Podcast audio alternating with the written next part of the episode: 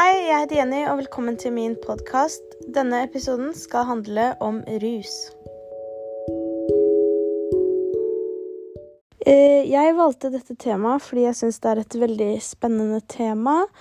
Og broren min er rusmisbruker, som gjør at jeg syns det er veldig spennende å prate om, eh, siden jeg har litt erfaring med det. Og problemstillingen min er om den nye rusreformen vil hjelpe. Den nye rusreformen er en reform lagt frem av Erna Solbergs regjering 19.2.2021, og denne innebærer at bruk og besittelse av mindre mengder narkotika til eget bruk ikke lenger skal være straffbart, men narkotika skal fortsatt være forbudt, og salg av narkotika skal fortsatt være forbudt.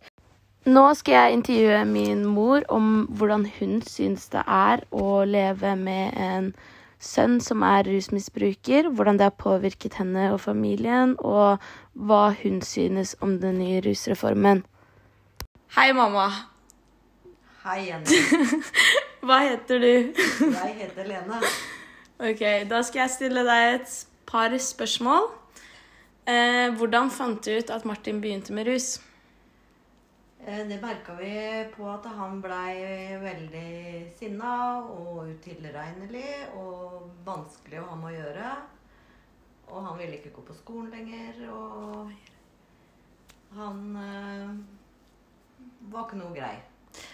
Hva var det første dere gjorde når dere fant ut av det?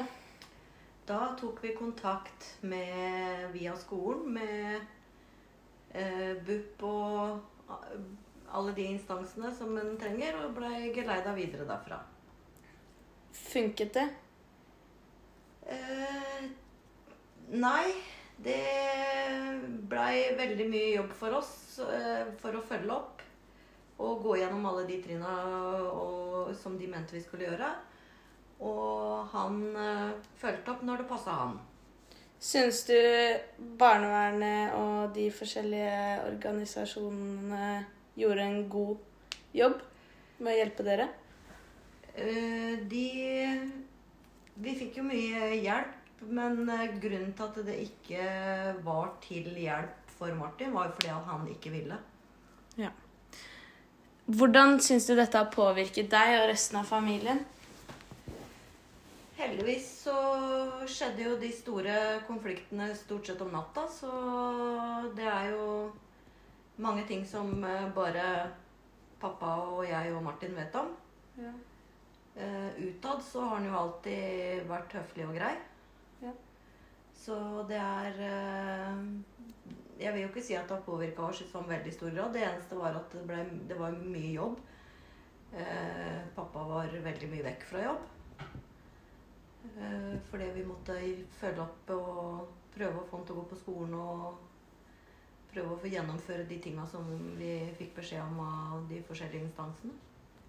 Syns du at det er et sårt tema å snakke om? Nei. Det er sånn livet blei for oss. Det er noe vi måtte gå gjennom. Ja.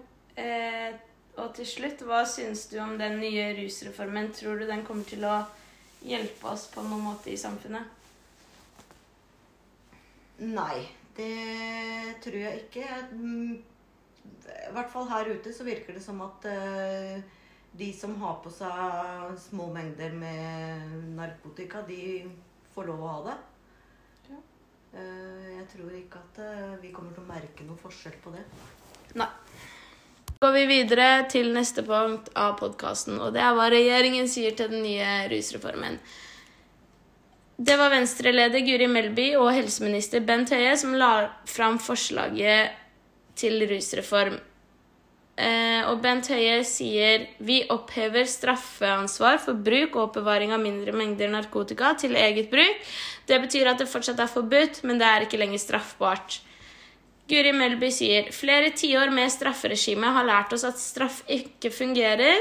Vi skal ikke lenger stå og se på at folk fornedres og ydmykes kalles kriminelle når de faktisk er syke.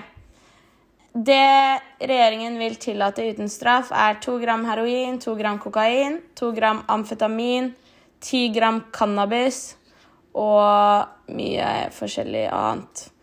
Og i forslaget skal man også kunne være i besittelse av tre typer narkotiske stoffer samtidig uten å risikere straff dersom mengden er innenfor grenseverdiene.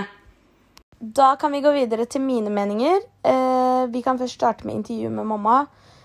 Jeg mener at det har gått utover familien på en negativ måte ved at Martin ikke er en god nok onkel for onkelbarna sine. Nå sitter han i fengsel, de har ikke sett han på mange måneder. Eh, det har vært flere episoder i hjemmet som jeg aldri skulle sett. Mamma snakket også om at det var mye som skjedde på natta. Og jeg husker at når jeg var liten, så hadde jeg mareritt hver natt.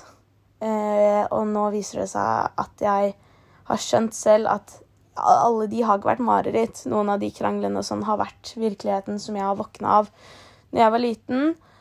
Og jeg syns dette er veldig trist og rart å snakke om, egentlig. Så Og mamma og pappa har jo holdt det skjult for meg, selvfølgelig, så det, jeg har jo ikke vist, visst om det fra jeg var liten.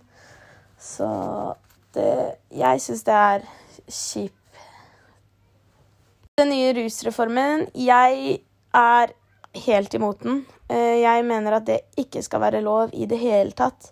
Jeg har sett hvor farlig narkotika kan være for mennesker, så jeg mener at det Ja, det skal ikke bli lov, men man skal ikke bli straffet for det. Jeg tror ikke det kommer til å funke som de vil, at de vil heller hjelpe. For at de som faktisk vil ha hjelp, de skaffer seg det.